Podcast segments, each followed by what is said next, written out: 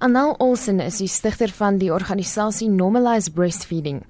Die organisasie is gestig uit haar en ander vroue se soortgelyke frustrasies met borsvoeding in die werksplek en in die publiek. Wat met my gebeur het was dat ek so skaam was om my eerste kind te borsvoed dat ek gereeld van ons uit was en vuil plekke opgeland het. En toe met die tweede kind, dit het gesê, daar's iets baie baie verkeerd is nie skaam om my kind te borsvoed.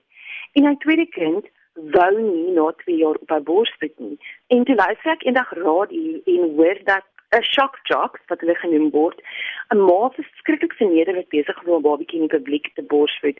En dit 'n klomp van ons mammas het bymekaar gekom en besluit dit is nou genoeg. Volgens haar word vroue wat in openbaar borsvoed meestal verkeerd verstaan.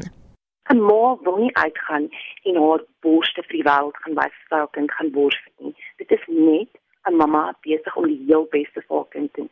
Dit is nie ons wat 'n fout maak nie en hoe jy ook al verkies om te borsvoed of jy skaam is en jy wil graag 'n doekie gooi en as jy nie is nie, dis nie deel van jou kultuur om skaam te wees vir 'n bors en 'n baba nie. Ons verstaan die vryheid die is vrouens om te borsvoed is wat ons dit reg sien om te doen. Sy sê daar word glad nie genoeg gedoen vir die openbare borsvoeding agenda in Suid-Afrika nie.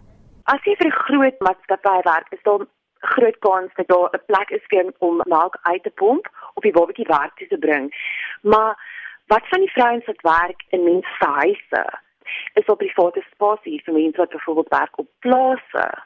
Ons hoor verskillende stories van onderwysers wat binne die, die gangkassings gaan sit het en melk uitpomp gedurende pouse. Die organisasie vra dat nuwe wetgewing ingestel word en is in die proses om die wetsontwerpe na die regering te neem ons voel meer ons die geleentheid vir maas skep om te voel dat hulle gekoester word wanneer hulle borsvoed en meer maas gaan borsvoed en dan gaan die volgende generasie ook borsvoed. Dan gaan ons borsvoeding sien so die maas wat voel hulle word gekoester in hulle verhouding met hulle babatjies en in hulle probleme wat hulle ervaar wanneer hulle borsvoed is maas wat borsvoed.